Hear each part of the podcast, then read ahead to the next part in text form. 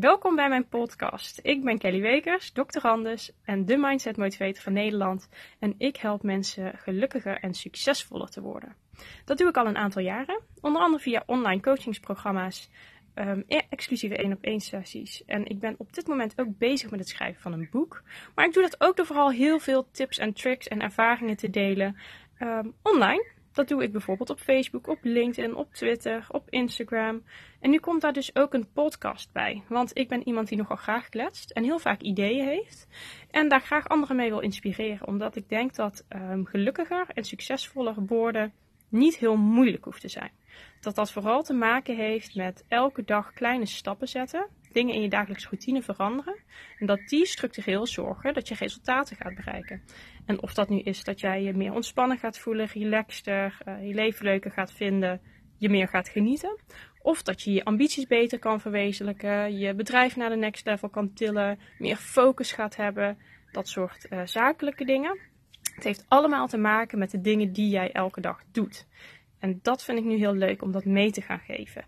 Deze podcast wordt dus zeker niet iets wat heel erg gestructureerd gaat zijn. Ik ga hier over allerlei onderwerpen praten. De hoofdmoot is natuurlijk mindset, omdat ik heel erg geloof dat mindset aan de basis staat van geluk en succes.